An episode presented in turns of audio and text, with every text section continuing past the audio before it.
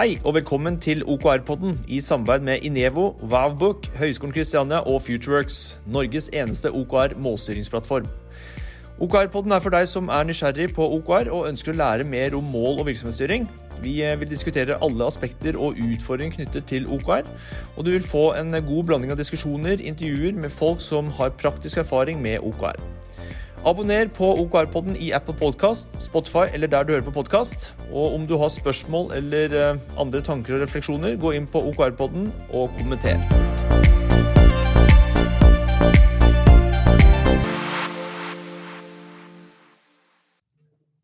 Hei, da er vi i gang. Eh, velkommen til OKR-podden. Podden for deg som er nysgjerrig på OKR og målstyring. Jeg heter Carl Philip Lund. Jeg jobber i Inevo og på Høgskolen Kristiania. Sammen med meg i dag har jeg som vanlig Kim Lennan, og jeg jobber som OKR og resultatcoach i Futureworks. Og, og så har vi Kristoffer, som jobber i Knowit. Hei, hei. En, enda en mann på intervju. I går hadde vi en dame. I går hadde en dame, ja. Så ja. det er bra. Men Kristoffer, kan ikke du bare begynne med å fortelle litt om deg selv? Jo, Kristoffer Sæbø jobber i Knowit, som du sa. Nærmere bestemt eh, et eh, selskap i Knowit-systemet som heter Knowit Experience. Jeg jobber da i Oslo-biten av det. 42 år gammel. Eh, jobbet mye med performance marketing, analyse som konsulent primært eh, i min karriere. Eh, jobber nå eh, med operations og systemer, interne systemer og rutiner eh, i Knowit Experience. Hvor mange ansatte er det dere er, da? Eh, vi er ca. 100 pers i vår gjeng. Ja, og du har... Du har jo 2500 kanskje, litt mm. under, i, i, hele systemet. Ja, og du har, også, du har også bakgrunn fra Google, har du ikke det? Det er riktig. Min uh, profesjonelle karriere, i hvert fall sånn eh, i, i uh, Hva skal jeg si Den relevante erfaringen min i forhold til hva jeg driver med nå, begynte i, i Google i Dublin, hvor jeg var ansatt som Key Account Manager til de norske byråene. Da er vi ganske mange år tilbake i tid. Vi snakker 2005 til 2008. Så Carl Philip var en av mine faste og gode kunder eh, fra den tiden. Ja. Jeg, jeg, pleier å si at du var den, eh, den i Google som liksom før de begynte å ansette bare selgere. Kanskje litt stygt sagt. Men du, du, ikke, du, var liksom en eh, produktperson som kunne litt salg. Du var ikke en selger som pusha. Men, ja, ja, det er hyggelig å høre. Ja, men det er jo mange dyktige folk i er jo, Google er jo en fantastisk organisasjon. Mm. Uh, men det, det, kan jo være kanskje innledningen på dette her, at eh, OKR det ble jo popularisert i Google. Uh, det var jo der liksom noe av det kom skikkelig i gang. kan ikke du fortelle litt om hvordan du ble kjent med begrepet OKR? Ja, jeg ble introdusert for det i Google. Um, igjen bare litt forbehold om at uh, dette her uh, vi, vi, snakker ganske mange år siden, så det kan være at uh, hukommelsen er litt litt rusten. Men av hvordan jeg husker det, da, så var det jo en allerede da en veldig godt innarbeidet prosess, og veldig viktig i Google. og hvordan de drev butikken, rett og slett. de de hadde jo et system som på den tiden var ganske tilpasset ingeniørene og de tekniske ressursene i Google, som jeg mener å huske utgjorde kanskje 60 av staben mm. da. Um, og, og, ikke bare OKR-messig, men hele Google er jo veldig sånn ingeniørdrevet. da. Mm. Jeg jobbet jo ikke som eh, ingeniør eller teknisk eh, i det hele tatt. Jeg hadde mer salg og, og reklameproduktene som jeg jobbet med da. Mm. Eh, samtidig så måtte vi på en måte gjennom denne hva skal jeg si, OKR-kverna, som det kanskje opplevdes som der. Fordi det var en veldig omstendelig og, og, og godt etablert prosess. kvartalsmessig gjennomgang. Og så, så, opplevde man kanskje litt sånn at ja, jeg skal ta telefonen når det ringer. Ja, jeg skal sende ut uh, mail innen to timer. og jeg skal, Det var liksom en del sånn selvfølgeligheter som man måtte uh, etablere som sine personlige OKR. Da. Og det, det, det opplevdes kanskje litt, uh, litt meningsløst i en, et individuelt perspektiv, særlig dette her var min første jobb etter studiene og ikke så mye erfaring og hadde kanskje litt vanskelig for å se det store bildet. Uh, det jeg derimot så, var liksom at dette her er veldig veldig godt egnet for uh, et, et, typisk sånn ingeniørdrevet miljø. hvor de kan snakke om konkrete handlinger som de ønsker å gjennomføre for the greater good, da, som, som på en måte sammen utgjør et en retning og et sted der de ønsker å gå. Mm. Uh, så jeg ble veldig fascinert av begrepet der og da, uh, uten at jeg nødvendigvis så så veldig mye nytte i det i min egen rolle. Uh, de var også ganske ivrige og la mye i dette her med 360 feedback og sånne ting som en viktig del av den prosessen. og det syns jeg var veldig interessant, for der liksom pekte de ut Eller den, den enkelte ansatte da, pekte ut kolleger eh, rundt i organisasjonen, eh, to, tre, fire stykker, jeg husker ikke akkurat, til å liksom komme med ærlig feedback på deg som, eh, som medarbeider. Uh, og så ble det sammenstilt da med din nærmeste leders feedback uh, og, og, vurdert uh, og lagt som grunn for en vurdering som deg og hvordan du presterte. Og så ble det gitt en slags karakter da, hvert eneste kvartal. Og den karakteren. Var, eh, det var liksom Du, du når eh, du, du, treffer eh, forventningene, du overgår forventningene. Greatly exceeds expectations. Så det var en sånn skala. Mm. Og så ble bonusen din beregnet ut ifra det, og det la selvfølgelig veldig til grunn for din liksom, karrierevei i Google også. Men et spørsmål eh, Hvis du skal liksom lukke øynene, og, og hukommelsen er kanskje litt dårlig, men når du kom inn i Google og du hørte om OKR for første gang, hvordan var det det ble presentert til nyansatte? Uh, uh, Eller husker du ikke detaljene? Jeg tror nok ikke vi fikk hele metodikken uh, presentert. Det kan jeg ikke huske. Uh, dette var allerede ganske godt innarbeidet, så det, liksom, det er bare noe man må gjennom. og mm. det liten hva skal jeg si, et lite kapittel i onboardingen. da, at Hvert kvartal så skal du gjennom denne kverna. Ja. Uh, og, og det, det, ble liksom ikke lagt fram det, det var, Jeg kan ikke huske at det ble gjort noe innsats på å selge det inn til de ansatte. Nei, det kan jeg ikke. Så det var liksom bare OK, du må I andre organisasjoner så er det kanskje OK, du spiser lunsj da og da, og det er, du må huske å føre timer, og det er i dette systemet, og så og, så, og, så, er det et verktøy vi bruker til medarbeidersamtale, kanskje. Og så at man uh, lederen Det var den største selvfølgelighet at dette skal alle gjennom. Det var en del det. Ja. Eh, jeg vet ikke om du sa det, Kristoffer, men når du, når du, sitter på salgssiden og de andre satt på ingeniørsiden, hvordan opplevde dere det, altså eierskapet i forhold til OKR-prosessen versus den andre siden? For, var... jeg, altså, så, som jeg var inne på, så, så virket kanskje de eh, konkrete tasks da, som lå på meg, som litt sånn Ja, men dette er jobben min, så hva, mm. hva er eh, hva er hensikten med å gjenta det måned for måned eller kvartal for kvartal? Mm. Mens en ingeniør har mer, det var mer prosjektbasert. ikke sant? Nå skal de, nå skal de mm. lansere Gmail. Mm. Ja.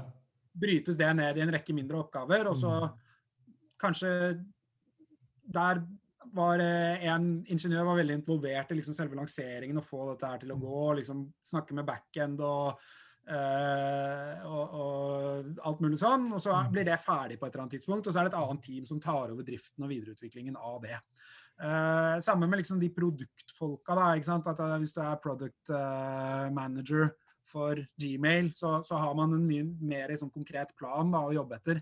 Mm. Og Vi hadde jo det, vi også, men hvis man har vært selger i, i, en sånn type rolle, da, eller salgskonsulent, eller eh, kall det hva du vil, eh, så, så, er det jo mye mer hva skal jeg si, sånn eh, sirkulært, og det er veldig mye som gjentar seg. og Det er liksom mye av det samme du skal gjennom gjennom hele året. da. Mm.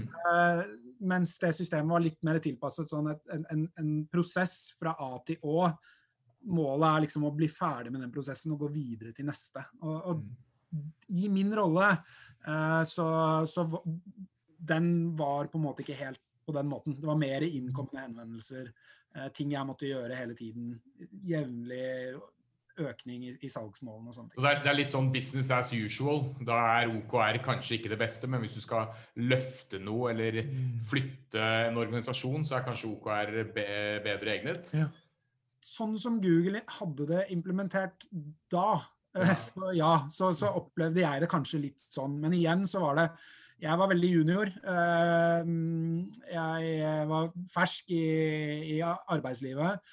Eh, og det var ingen eh, Hva skal jeg si Jeg var ikke med i noen beslutning for hvordan dette her skulle se ut, eller noen ting. Så jeg var veldig sånn on the receiving end av, mm. av dette her. Så, så, så, sånn som det opplevdes for meg der og da, det var veldig at dette her er bare sånn ja, greie. Formalia som man må gjennom, og ja. del av jobben. Men det, men det, er kanskje litt sånn der når man er ung og ny et sted, så er det veldig trygt med noen tydelige rammer. Mm. Eh, og da er det liksom at du kommer fort inn i det, og jeg tror nok kanskje, kanskje det skaper noen gode vaner, da. Mm.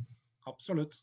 Så, men, men, la oss spole liksom litt fram i tid. Du er ferdig i Google og går videre til uh, neste selskap. Hva, da begynte du i et nytt selskap. Hva var det det het?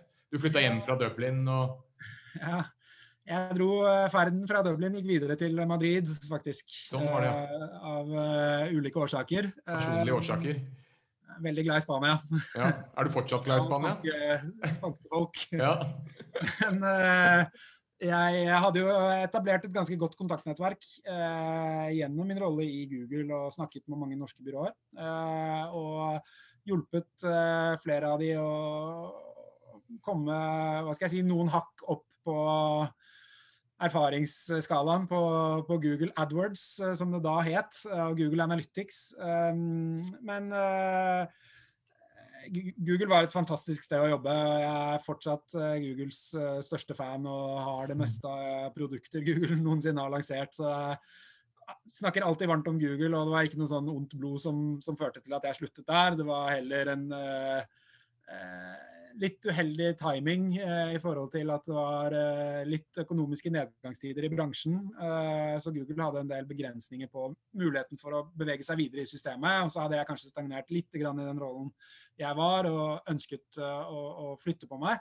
Så, mm, så fikk jeg tilbud om å, å eh, jobbe i et eh, norsk byrå, eller et norsk performance-miljø. Uh, som var ganske ungt, men veldig fremoverlente. Veldig dyktige mennesker som hadde hodet på absolutt rett plass, følte jeg.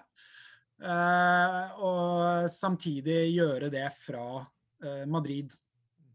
så da begynte jeg et selskap som het Metronett, mm. som var et, ja, et år, halvannet år gammelt da jeg begynte der. og vi hadde fått til masse spennende. Jeg hadde sett en, en god vekst hos de da jeg jobbet i Google. Eh, fått funnet tonen med de som drev selskapet, og gikk inn der som head of performance. Mm. Men fra Madrid? Eh, ja. Så ja. det var en sånn praktisk løsning hvor jeg jobbet eh, fra Madrid. Så jeg fikk god trening i hjemmekontor eh, allerede da. jeg var i Norge en uke i måneden ish. Ja, så greit. Men eh, jeg har lest mye om at eh, folk som har jobbet i Google, og, og, kommet inn i andre selskaper, de, at de tok med seg OKR. Mm. Eh, gjorde du det? Tok du med deg OKR til Metronett, eller gjorde du ikke det? Nei, jeg gjorde ikke det. Nei. Hvorfor det, ikke? Det kan kanskje ha litt sammenheng med hvordan jeg opplevde det der. At det var liksom mye Det føltes litt byråkratisk, rett og slett. Ja. Uh, og jeg skulle inn i et ungt miljø, veldig dynamisk. Uh, masse armer og bein. og men samtidig hadde et godt driv og eh, mye salg og liksom Ja, klarte å, å, å etablere seg bra. Så, ja. så jeg følte at eh, det var ikke min plass å gå inn der og byråkratisere den bedriften der. Eh, så var det også nok en faktor at jeg ikke satt på kontoret mesteparten av tiden. Mm, så, så det jeg var i eh, metroene da jeg begynte, det var eh, ansvarlig for et leveranseområde. Jeg var ikke i ja. operations da, selv om jeg snakket mye om det og, og var med i en slags ledergruppe der, så, så, var det ikke det som var mitt virke der. Nei. Men eh, hvis du vet, eller hvis du hadde visst det du vet nå om OKR, og, hadde, og det hadde vært naturlig, hvordan hadde du, hvordan hadde du gått fram? Nå, det er jo en grunn til at du er med nå i dag på denne praten om OKR. Mm. Eh, hvordan var det liksom, Når er det det gikk opp for deg at dette kunne være nyttig? Fra å være liksom ung og se på det som et byråkratisk system til å, å nå være ja, Du er vel OKR-ambassadør, er du ikke det? For, eh, for OKR i Knowit? Ja, i, i Knowit Experience, om ikke annet. Ja. Uh, jo, nei, altså det er det går litt på hva jeg legger i OKR. Da, hva, hvilken rolle det har i mitt hode. Eh, og sånn jeg ser på det, så er det jo et, et, et metodeverk som eh, hjelper deg å gjennomføre store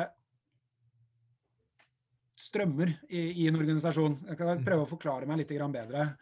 Eh, det, det, det, hjelper til å bryte ned større endringer eller større mål i liksom håndterbare ting som kan Du kan settes et eier på det, det kan settes et resultat på det. alt mulig sånne mm. ting. Det finnes mange sånne metodeverk eh, av varierende kvalitet. Eh, Har du noen eksempler på På andre? Ja.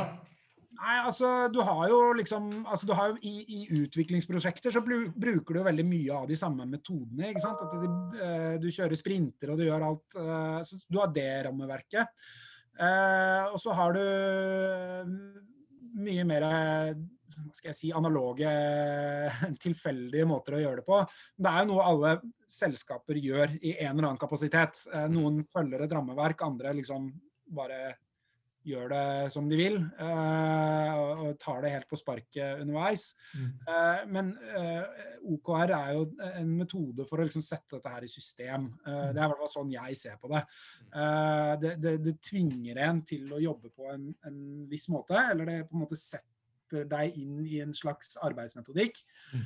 Um, og jeg tror liksom etter noen år hvor jeg i den ene øyeblikket, eller i noen år, så har jeg jobbet litt som en arbeidsmaur i et kjempestort uh, selskap, til å gå mm. over på en litt mer sentral rolle i et mye mindre selskap, hvor ting er der Lerretet er litt blekere.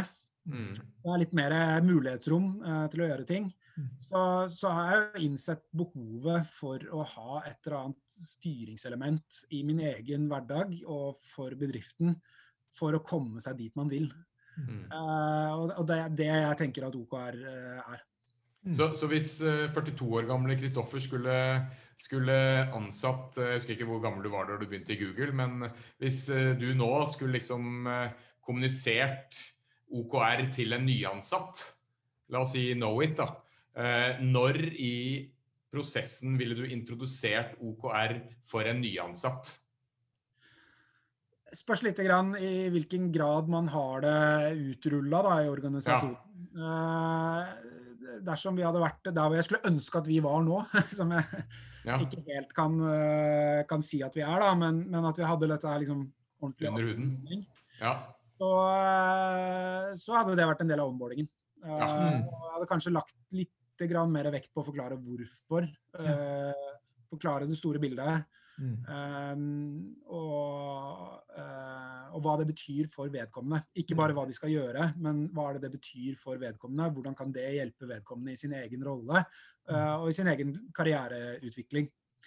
Um, og, og, det jeg ser da gjennom uh, mange ulike roller i en, en konsulenthverdag, det er jo at de som, som griper litt disse mulighetene her, altså som, som, tar litt eierskap over sånne ting, det er de som gjør det klart best i, mm. som konsulent. Mm. Uh, du kan være flink på fag, og du kan være flink til å selge og alt mulig sånne ting, men hvis man er superflink på fag, uh, så, så, blir man bare sittende og blir en spesialist innen den rollen.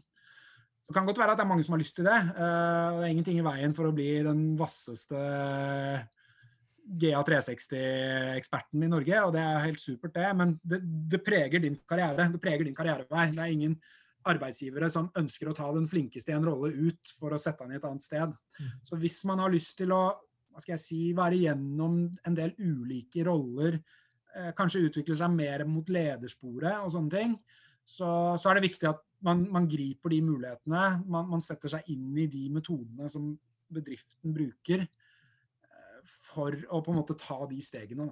Mm.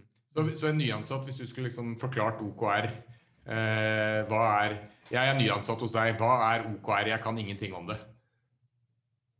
Hva ville jeg svart Ja, hva ville du sagt da? Nei, Det er jo bare å si at det er på en måte metoden vi bruker for å se hva er det vi skal, hva er det vi skal oppnå. Hvordan skal vi komme dit? Mm. Ja. Hvordan kan du hjelpe organisasjonen med å nå de målene vi har satt? Hva er din rolle? rolle mm. i dette? Mm. kult. Bra. Hvordan er dere hvordan, eh, i eh, Knowit i dag, hvordan er dere gjennomfører dette her? Hvordan følger dere opp, og hvordan uh, sikrer dere at dere har uh, riktig tracking og Eller hvor lenge har dere holdt på med det i Knowit? Eller hvordan ligger det an med implementeringen, og hvorfor er det så vanskelig?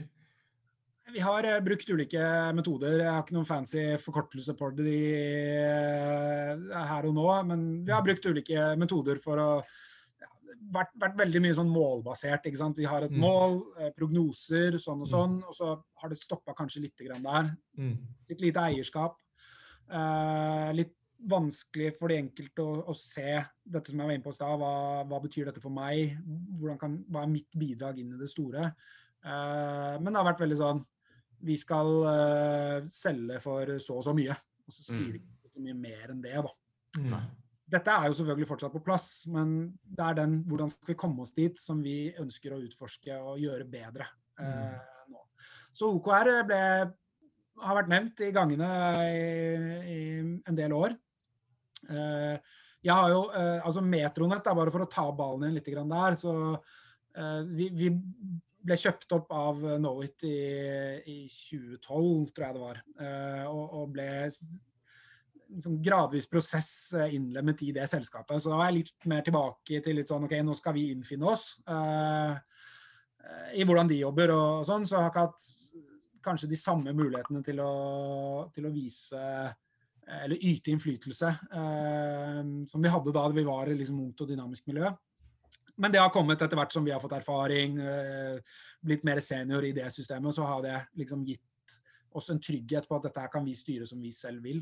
Mm. Um, så det har vært nevnt uh, her og der uh, i gangene opp igjennom på noen ledermøter og sånne ting, men for alvor uh, satte vi i gang en prosess med dette her i begynnelsen av eh, 2020. Mm. Hvor vi liksom, skal vi sette oss ned og så skal vi utarbeide en god plan på dette. Og så skal vi måtte, fylle inn de eh, punktene eh, som er viktige for å i det hele tatt ha et godt grunnlag. da. Og så gikk jo 2020 som det gikk. eh, litt, eh, plutselig måtte vi snu oss litt grann rundt og finne ut hvordan vi skal få en eh, situasjon med hjemmekontor og eh, ja, veldig mye usikkerhet i markedet til å fungere. Og da ble jo dette her igjen satt litt sånn Jeg vil ikke si at det ble satt på vent, men det fikk ikke så mye oppmerksomhet som det burde fått. Mm. Så, så OKR-arbeidet som vi gjorde i begynnelsen av 2020, det, det stagnerte litt. Grann. Vi kom oss liksom ikke så veldig mye videre. Uh, gjennomførte ikke hele prosessen som vi, som vi burde. da. Mm. Hvordan var det dere gjorde det i begynnelsen av 2020, når du skulle liksom Det hadde vært snakk om det i gangene en stund, eh, men på et eller annet tidspunkt så skulle du formalisere det, kanskje. Eh, hvordan var det du Kalte du inn til et ledermøte, eller tok du det opp på et vanlig ledermøte, eller var det en eller annen styregreie, eller var det en prosjektgruppe, eller hvordan var det dere gjorde det rent praktisk? Eh, Dette var eh, daglig leder for, eh, for Knowit Experience Oslo som tok initiativet til å sette opp på agendaen. Eh, Så ble det diskutert i et ledermøte. Eh, Og det ble veldig knyttet opp mot dette jeg nevnte med de overordnede målene. Altså salgsmål, eh, rekrutteringsmål, eh, omsetningsmål, resultatmål. Mm. Eh, og så prøvde vi å, å rulle det ut litt grann utover det. Kan vi knekke ned disse målene litt? Grann? Hva, er det, hva innebærer det at vi skal ha en omsetning på så og så mye? Eh, Mm. hvordan skal vi oppnå det? Eh, faktureringsgrad. Hvilke, hvilke grep kan vi ta for å oppnå den og den faktureringsgraden? Uh, og så, kom det, så var det rett og slett bare idémyldring og Post-It-lapper og Mm. diskusjoner på, på ledergruppenivå. Um, og så fikk vi opp en plan med en del sånn undermål. Eh, litt sånn milepæltankegang. At innen det kvartalet skal vi gjort det, innen det kvartalet skal vi gjort det. Men på det tidspunktet så var det fortsatt ganske knyttet til liksom, det tallfestede, overordnede målet. Mm. Så da fikk dere liksom satt det litt i system i ledergruppen, og vi hadde litt harde diskusjoner, og alle var positive.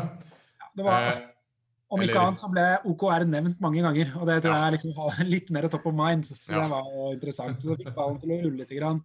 Fikk folk til å begynne å tenke litt. Grann. Det er vel han eh, Jeff Wiener som var uh, sjef i LinkedIn i mange år. Han sier at uh, når du begynner å bli lei av å si en ting, det er først da folk begynner å ta det til seg og forstå det. Så det er kanskje sånn det var hos dere også, at man bare snakket om det. Og det er positivt at man snakker om det. Eh, men hvordan gikk dere fram for det, det er helt klart en god, uh, god setning, det. Altså, jeg merker det at når, folk begynner å bli lei av å høre meg snakke om OKR, så er jeg liksom ja. da, er jeg, har jeg gjort jobben min. Da begynner det å gå inn. Men hvordan var det dere kommuniserte dette her? Eh, på et eller annet tidspunkt så kommuniserte dere dette her sikkert til eller kanskje ikke ennå, men til alle ansatte. og Hvordan få det til å spre seg i organisasjonen. og ja, Hvordan får dere folk engasjert rundt det, eller er det fortsatt noe som ligger på agendaen? På det tidspunktet, snakker vi tidlig 2020, så, så var det litt ovenfra og ned. Ja. Eh, det var en greie ledergruppa holdt på med. Mm. Og så var vi ganske dårlige på å ansvarliggjøre de, de ansatte. Eh, ja. Eller involvere de ansatte ja. uh, i, i, hvordan de kan bidra. Uh, så vi, vi, knakk det liksom ikke godt nok ned uh, på et individnivå. men det ble presentert i et allmøte og sa at dette er liksom noe vi ønsker å, å gjøre. Og målet med implementeringen av dette her er jo at vi skal ha et fantastisk sted å jobbe, og vi skal ha gode resultater, som igjen tillater oss å ha frihet til å gjøre kule ting og, og satse og investere på andre områder. Så det ble ganske godt mottatt, uten at det nødvendigvis liksom ble klinkende klart for den enkelte ansatte hva er det dette betyr for meg og min hverdag. Mm. Det tyder jo på at eh, sant, når du har en god kultur, så er det jo i bedriftskultur så er det jo lettere å introdusere nye ting. Har du en dårlig kultur, så er det da, da, møter du mye motstand. Mm. Så en god kultur, så tåler man litt sånn uklarhet, og da, da, da, finner man ut av det. Mm. Ja, så tror jeg det er et troverdighetsspørsmål også. Hvis man hvert eneste ledermøte skal finne opp hjulet på nytt, så det blir så tynnslitt, da. Du, du, mm. bare sånn Ja, ja, nå har de funnet på et eller annet buzzword, og mm. ja. implementere det. Ja. Så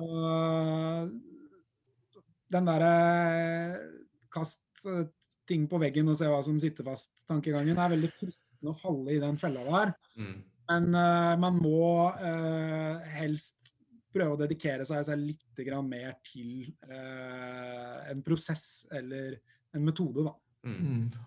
Hvordan er det nå? Nå har det jo gått Dere begynte med dette her i begynnelsen av 2020. og så har dere klart å kjøre et helt kvartal med OKR? Sånn en hel syklus?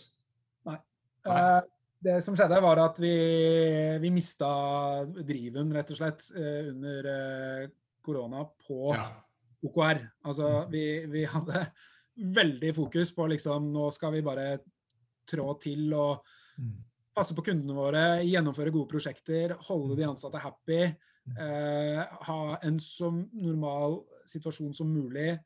Eh, tatt i betraktning alle tingene som skjer rundt oss i samfunnet. Mm. Du har, du, det du sa der, da, det er jo på en måte key results òg. Mm. Holde ja, ja. de ansatte happy, eh, sørge for at kundene og så putter noe tall på det, så har du plutselig fire key results. Og, jeg er sikker på at hadde vi vært et år før, eller et to år før da, i forhold til skal jeg si, vår bruk av OKR og sånne ting, at det hadde vært litt mer innarbeidet, ja. så hadde det vært et veldig godt hjelpemiddel gjennom denne prosessen. Det, det er jeg ikke i tvil om. Uh, men vi var ikke helt der, så, så OKR ble liksom ikke, ikke si lagt i skuffen, men vi, vi, så bare på den første kolonna. Vi så bare på toppresultatene, mm. uh, ja. og så fant vi ut at liksom, nå, nå er det nå er det fokus på kunder, ansatte, og liksom sørge for at uh, vi kommer oss gjennom dette her uh, på en god mm. måte. Mm. Ikke sant? Men spol, spol, to eller tre år fram, da. Og så snakker du om liksom Nå har, nå har Knowit kjørt OKR i seks uh, kvartaler. dere har justert, dere har fått det til å funke. Eh, og så kommer liksom neste kvartal. Mm. Eh, hvordan tenker du at eh, den ideelle OKR-prosessen er om seks kvartaler? Da du er ferdig med sjette kvartal og skal inn i syvende. Hva, hvor, hvordan, og du, er, du har fått liksom etablert i ledergruppen, og alt ligger til rette. Hvordan ta Led oss igjennom prosessen fra du liksom OK, nå er jeg ferdig med det kvartalet. Hva skjer da? Forhåpentligvis er vi i gang med neste kvartal før, ferdig, før forrige kvartal er ferdig. Ja, ikke sant? I slutten av sjette kvartal, eller den Uh, nei, den ideelle, det, det, beste utgangspunktet er at man ikke er alene om det. At man ikke er uh, den personen som hele tiden må bruke tid og krefter på å overbevise om hvorfor man skal gjøre dette her. Mm. Uh, så det er noe man har jobbet med opp igjennom, og, og sett verdien av det. Sett hvorfor dette her er fornuftig å bruke som et målstyrings metodeverk. Mm. Uh, og fått flere folk on board, rett og slett, med uh, at dette her er noe som det er verdt å, å, investere tid i. Hvordan har du tenkt å få flere, på, flere on board? Det er å bare se på resultater, rett og slett. Og ja. la resultatene tale for seg. Og se, liksom, konkretisere litt hva man oppnår ved å legge innsats i det. Mm. Uh, og i tillegg så har vi en del uh, metoder å samle tilbakemeldinger fra de ansatte på. Uh, dette med forutsigbarhet, uh, dette med muligheten til å påvirke sin egen arbeidshverdag. klarhet i roller, ansvarsområder, sånne ting. Det er noe som hele tiden blir trukket fram av de ansatte som veldig viktig for å trives på jobb. Og jeg mener at OKR kan kan støtte opp under det, hvis det er gjort på riktig måte. Det kan mm. bidra til disse tingene. Mm. Så hvis man klarer å, å, å eh, vise fram det, at det er mer enn å liksom bare den derre periodiske Målstyringa. Ja, mm. den der byråkratiske kverna igjen? Som, som, kanskje kan virke litt unødvendig. Hvis man klarer å komme seg forbi det, men rett og slett se eh, verdien av det uh, i flere steder i organisasjonen, mm. så er man på et veldig godt sted, tenker jeg. Mm. Um, og uh, uh, igjen, da er det Man har, man har noen større overordnede mål som kan gå på tall, og det kan gå på konkrete hendelser, og det kan gå på posisjon i markedet, og det kan gå på mye forskjellige ting. Og så har man kvartalsmål igjen som bygger opp under dette her.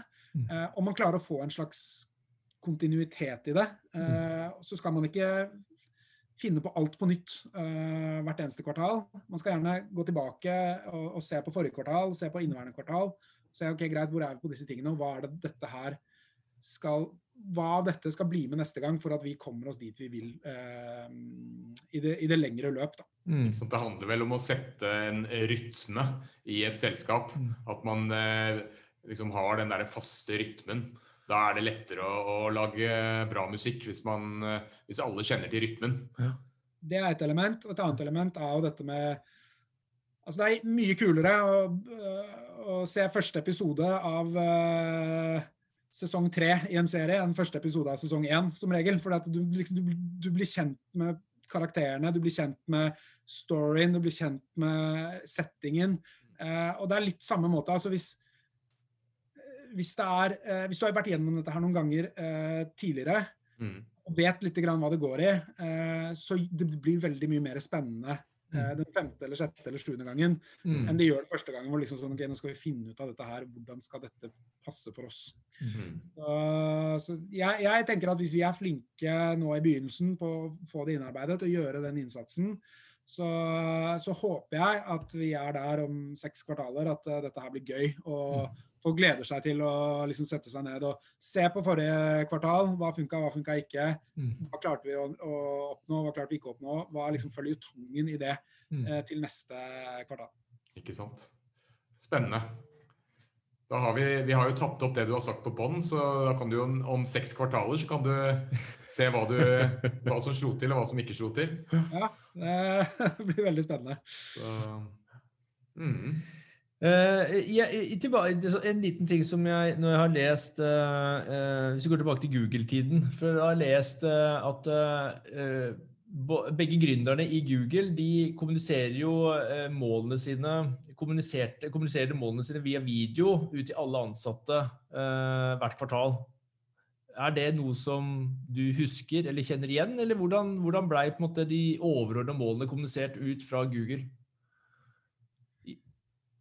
Uh, godt spørsmål. Jeg kan vel ikke huske at det var uh, en konkret video som jeg har sett fra Larry eller Sergey, hvor de liksom sto og sa at dette her er uh, våre mål. Mm. Men det var mye åpenhet rundt det. Mm. Og det var helt sikkert en eller annen nettside hvor de hadde skrevet det ned, mm. som alle ansatte kunne gå til og Full transparens.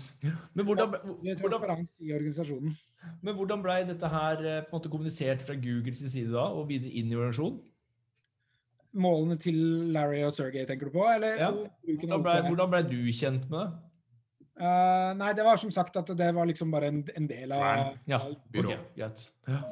Så, så det, var, det, var, helt ned på individnivå. Uh, mm at den enkelte ansatte skal fortelle liksom, hva er det de skal oppnå denne Hvordan skal du bidra?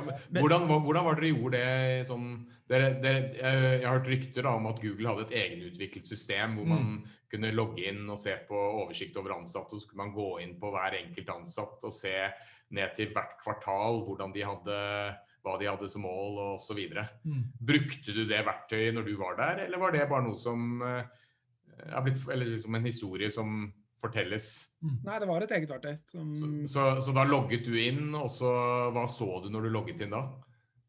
da det er vanskelig å, å, huske tilbake. Det het vel OKR2 eller noe sånt. Ja. ja. I hvert fall. Og det var rett og slett at man skulle inn der og, og fylle ut de målene man selv satte seg, og, for å gjøre det liksom så nært knyttet til sin egen rolle som mulig. Ja. Og da kunne du gå inn og se på teamet ditt og hva de hadde som mål, eller var det bare noe som Den transparensen, var det nyttig, eller var det bare en Jeg som en liksom gutta på gulvet-kar eh, kunne gå inn og se hva de andre hadde. Det mm. husker jeg ikke, men jeg er rimelig sikker på at uh, du skulle ikke være høyt oppe i systemet før du kunne gå og se på hva, hva andre hadde satt inn der. Nei. Mm. Men et eksempel da, fra, fra, den tiden var at jeg jobbet jo, jeg var så heldig å jobbe i Google eh, da eh, Urchin Analytics ble kjøpt opp av Google. Og da fikk jeg skikkelig eh, tenning på det. da, Det var utrolig gøy. Eh, digga det. Og Hæ, skal de gi dette her gratis? Og det var liksom Det var begynnelsen på Google Analytics. Og jeg tror det ble stengt etter eh, seks timer eller noe sånt. Så var det all kapasitet var sprengt. Det var én konto per eh, person eller noe, du måtte være på venteliste, husker jeg. Ja, ja, det tok lang tid uh, før den ventelista ble åpnet. Mm. Så jeg var heldig. Da, fikk, og Det samme gjaldt Google-ansatte. Men jeg mener at jeg liksom klarte å snike meg inn og fikk en dag igjen. ja. Så lekte meg med dette her og ble så utrolig fascinert. Kjempegøy. Og det, det preget litt grann min uh, hva skal jeg si, min videre karriere. da, uh, var det som liksom fikk meg ordentlig interessert i dette med analyse og mm. uh, målbare resultater og, mm. og alt, det, det, hele det universet som åpnet seg der. Mm.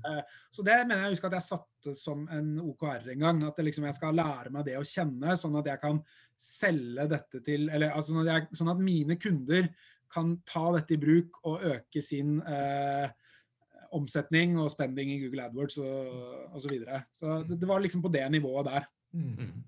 Da blir det et sånn hypotetisk spørsmål, da, men hva tror du når, når, Google holdt på med oppkjøpet av Erkin, og hva, hva, hva tror du OKR-en til det teamet var? Det er jo kanskje litt vanskelig å svare på, men uh, suksessrik lansering av Google Analytics, kanskje? Hva blir det? Altså, jeg tror nok uh, altså Det er mange forskjellige nivåer her. ikke sant? Ja. Det var en sånn fyr som sa liksom, ok, greit, få det fra uh, on-prem til on demand. ikke sant? Få det ja. vekk fra en server uh, i kjelleren til å få det cloud-basert. Mm. Uh, så det var en fyr sin OKR, og så var det helt sikkert noen business uh, Increase Google Ads spending by ja. 80% because customers know that uh, it works. Ja. og så var det helt sikkert noen, noen forretningsutviklere eller noen, kanskje noen product managers som tenkte den, den grandiose, fine tanken at gi folk innsikt, vis dem hva som funker. Mm gjennom et, et, verktøy. Fordi vi er såpass trygge på våre produkter mm. at investerer man mer penger der, så får de mer penger igjen. Mm. Men tilbake til litt i uh, Knowit. Når dere nå implementerte, når dere nå implementerte OKR-er i Knowit i 2020 i januar, hva, hva er hva er, er OKR et ledelsesverktøy, eller uh, hva slags type verktøy er det? Og hvorfor si er det det? Det er jo et styringsverktøy. Ja. For hvem? Hva sa du? For hvem? For på, i januar 2020, eller liksom opp mot 2020, så var det for ledelsen. Ja. Uh, så det vi har gjort nå da, i, i Q4, hvor vi liksom tok tak i det igjen, og ting i, i samfunnet og, og, rundt oss hadde kanskje på det tidspunktet blitt i hvert fall litt mer forutsigbart. Så mm. vi ser hvordan det går framover nå. Men mm. uh, uh, vi, vi, tok det opp igjen. Vi tok opp ballen igjen uh, i, for Q4. Mm. altså Nå skal vi gjøre dette her litt mer alvorlig. Mm.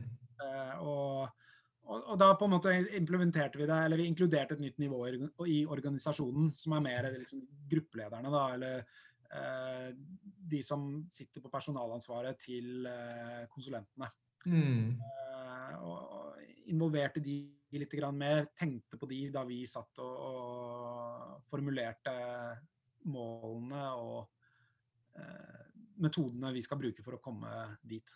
Mm. Hvor, er, hvor, er, det du henter informasjon og lærdom og inspirasjon når det gjelder OKR? Hvor, eller snakker du med andre i andre bedrifter om dette, her, eller hvordan, hvordan, er det du lærer? Nei, jeg har eh, prøvd å ja, Det har selvfølgelig vært en del sånn YouTube-videoer og mm. lest noen bøker og litt ja, forskjellige bloggartikler. Eh, ja. sånne ting. Ingenting jeg har festa meg veldig mye med. Uh, jeg har prøvd å unngå å liksom kjøre meg altfor mye fast i én måte å gjøre det på, men heller mm.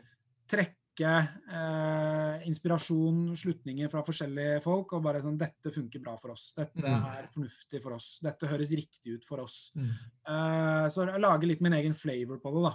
Mm. Er, er, det noen kunder av Knowit som bruker OKR, som du vet om?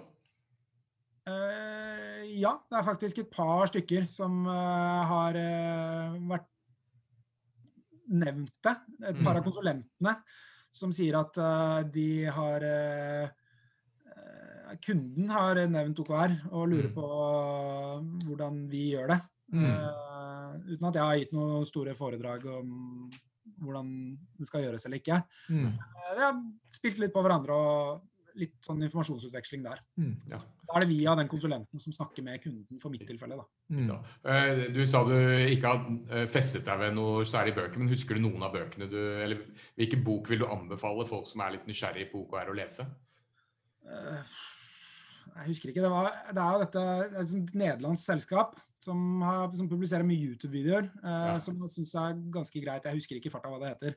Eh, men eh, så er det noen bloggartikler derfra og sånne ting. Men nei, jeg har ikke satt meg sånn altfor mye inn i det. det jeg, altså, ja, det er rent personlig for min del, da, men hvis jeg leser for mye teori, så går jeg meg litt vill. Mm. Så, jeg, jeg, tenker at det er mye bedre å bare ta det stegvis hvordan jeg har lyst til å implementere dette her. Mm. Uh, og, og, heller gradvis utrulle det uh, enn å prøve å treffe riktig fra første stund. Mm. Ja, Det er vel, det jeg har lest, er at uh, alle som forsøker å innføre OKR, de feiler første kvartalet. Mm. og da, De fleste gir seg da, men de som lykkes veldig stort, de tilpasser det til sine forhold.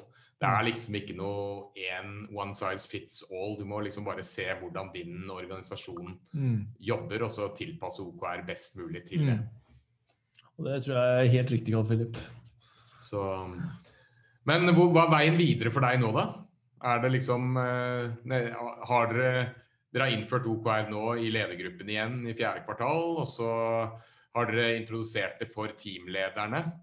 Uh, har dere hatt noe sånn felles presentasjon eller mid-quarter mid evaluation? Bruker dere det i medarbeidersamtaler? Uh, har, dere, har, dere har, dere, diskutert hvordan dere skal sette karakterer og hva slags vanlige feil? Hva, hva, hva, er, hva er, veien videre nå? Status nå er at vi er nettopp ferdig med måned én av uh, Q4. Ja. Uh, så jeg skulle egentlig ha gått inn i OKR-dokumentet mitt og oppdatert det, men så snakker jeg med dere istedenfor. ja. Hva, hva, hva slags OKR-dokument er det dere bruker? Nei, Nå det, ligger det bare i Excel. Ok, I Google Sheets eller Excel? Eh, vi kjører Excel. Vi er Office 365-bedrift, så okay, ja. eh, Teams er hyppig brukt. Eh, ja. Dette ligger åpent og tilgjengelig for alle ansatte. Ja. Mm. Og Der går alle inn, og er det, er det blitt et sånt hvor, hvor, ofte er dere rapporterer? Eh, er, ambisjonen er kvartalsvis i første omgang. Ikke ukentlig? Mm? Ikke ukentlig? Nei. Nei. I, I, dette kvartalet her så sier vi liksom nå skal vi ha litt større linjer. Vi skal ikke involvere ned på individnivå. Eh, vi skal se på avdelinger og, og, til en viss grad grupper. Ja. Eh, og så skal vi eh, oppdatere eh, eller rapportere eh, kvartal, nei, månedsvis. Ja. Så dere skal gå ned på individnivå med en gang? Hvorfor ikke bare på team? Nei, ikke. Ikke, ikke på individene? Ja, da, bare ja, ja, ikke sant. Det er interessant. Bra. Så jeg tror vi begynner å nærme oss litt sånn uh, avslutningen, ja. Uh, det har vært veldig interessant. Mm. Er det, noen, er det noen spørsmål du har til oss? Eller uh, vi kan jo alltids diskutere mer senere, og det er jo utrolig gøy å dele erfaringer. Er det Altså, jeg kan jo komme med noen sånne generelle ting som jeg har som, som, har slått meg, som, som, jeg opplever som utfordringer, som jeg ikke har noen gode svar på. det ene er jo dette her, liksom hvordan hvordan styre skuta i hard sjø. Altså, det er mye som skjer rundt oss nå. Eh, det er mye eh, med selskapet mitt som forandrer seg hele tida. Hvordan, hvordan, skal du treffe mål når mål flytter seg hele tiden? Eh, hvordan, hvordan, kan man ha en slags kontinuitet når, når rammevilkårene forandrer seg? Det er jo et veldig spennende spørsmål som jeg ikke forventer at dere har noe godt svar på on the fly. Men eh, et, et, spennende og veldig sentralt spørsmål tror jeg, rundt dette med praktisk jobbing i, med OKR i en, eh, i en bedrift. Um, så det, Hele covid-19-situasjonen vi har vært gjennom nå, det, det, var ingen som kunne forutse det i begynnelsen av året. Hvordan, de som er litt mer i gang da, med, med OKR, hvordan har det påvirket deres jobbing med OKR? Har de måttet gå tilbake til tegnebrettet? Har de stått på de samme målene og jobba liksom skylapper og, og jobba knallhardt etter det? Um, så Det er veldig interessant å høre litt erfaringer rundt det. Da. Uh, det er jo sikkert forskjellig fra bedrift til bedrift og bransje til bransje og organisasjon til organisasjon. Men, uh, men fortsatt et, uh, et, spennende tema da, som jeg tipper det er mange ulike svar på. Eh, så det er jo litt der vi står nå, da. Eh, mye, mye som skjer i, i, samfunnet og i bransjen og alt mulig. Eh, hvordan, hvilken rolle vil OKR ha fremover, basert på det? Mm. Hvordan skal vi forholde oss til de OKR-ene som allerede ligger der? Mm. Blir de ugyldige når, når rammevilkårene forandrer seg? Mm.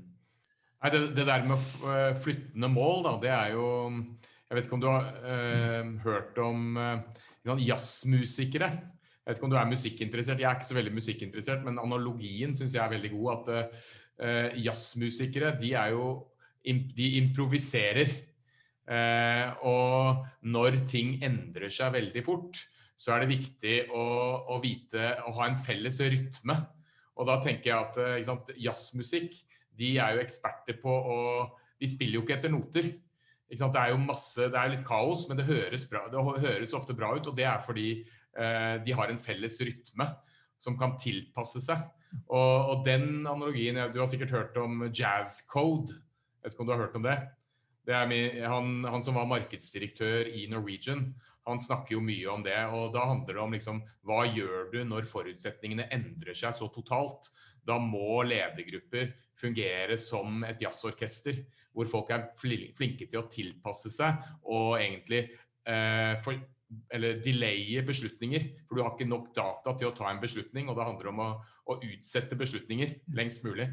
Så det er jo et uh, ganske sånn interessant uh, begrep når det gjelder mål som flytter seg. Når det gjelder OKR og i det praktiske, så kan jeg jo kan dele litt offline også. Men Inevo, selskapet som jeg jobber i, har jo kjørt OKR siden 1.10.2018. Og, og, vi sleit jo veldig mye i starten. Og det har jo vært en stygg implementering. Eh, fordi det er vanskelig å få med seg folk. Men etter hvert som du får det inn i en rytme, og du tilpasser det, Uh, og så er det ikke noe poeng i å tvinge dette her på f.eks. kundeprosjekter.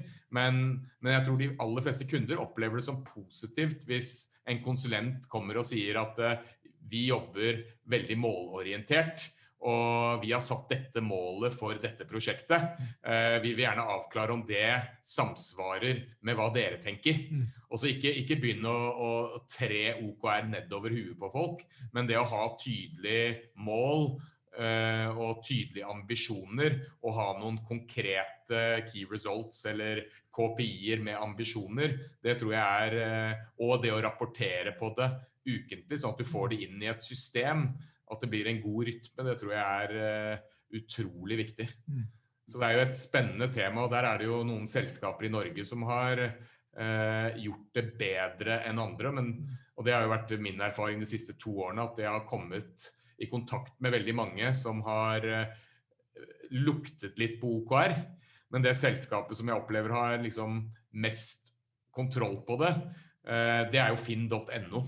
Og de, uh, de begynte jo med OKR i Skipsted i 2013. Da var det en par eks-googlere som kom inn og begynte å snakke om amerikanske OKR-er, og det var ikke noe særlig god Eh, jeg har hørt det fra noen, da, men så det er ikke helt sikkert at det er bekreftet. Men det funka ikke i starten i Skipsted. Men eh, finn.no de hadde allerede begynt å se på disse begrepene. Og de lagde en norsk versjon av det, hvor de kalte objectives det var bare ambisjoner. Og, og key results det var egentlig bare noen nøkkel, nøkkeltall med ambisjoner.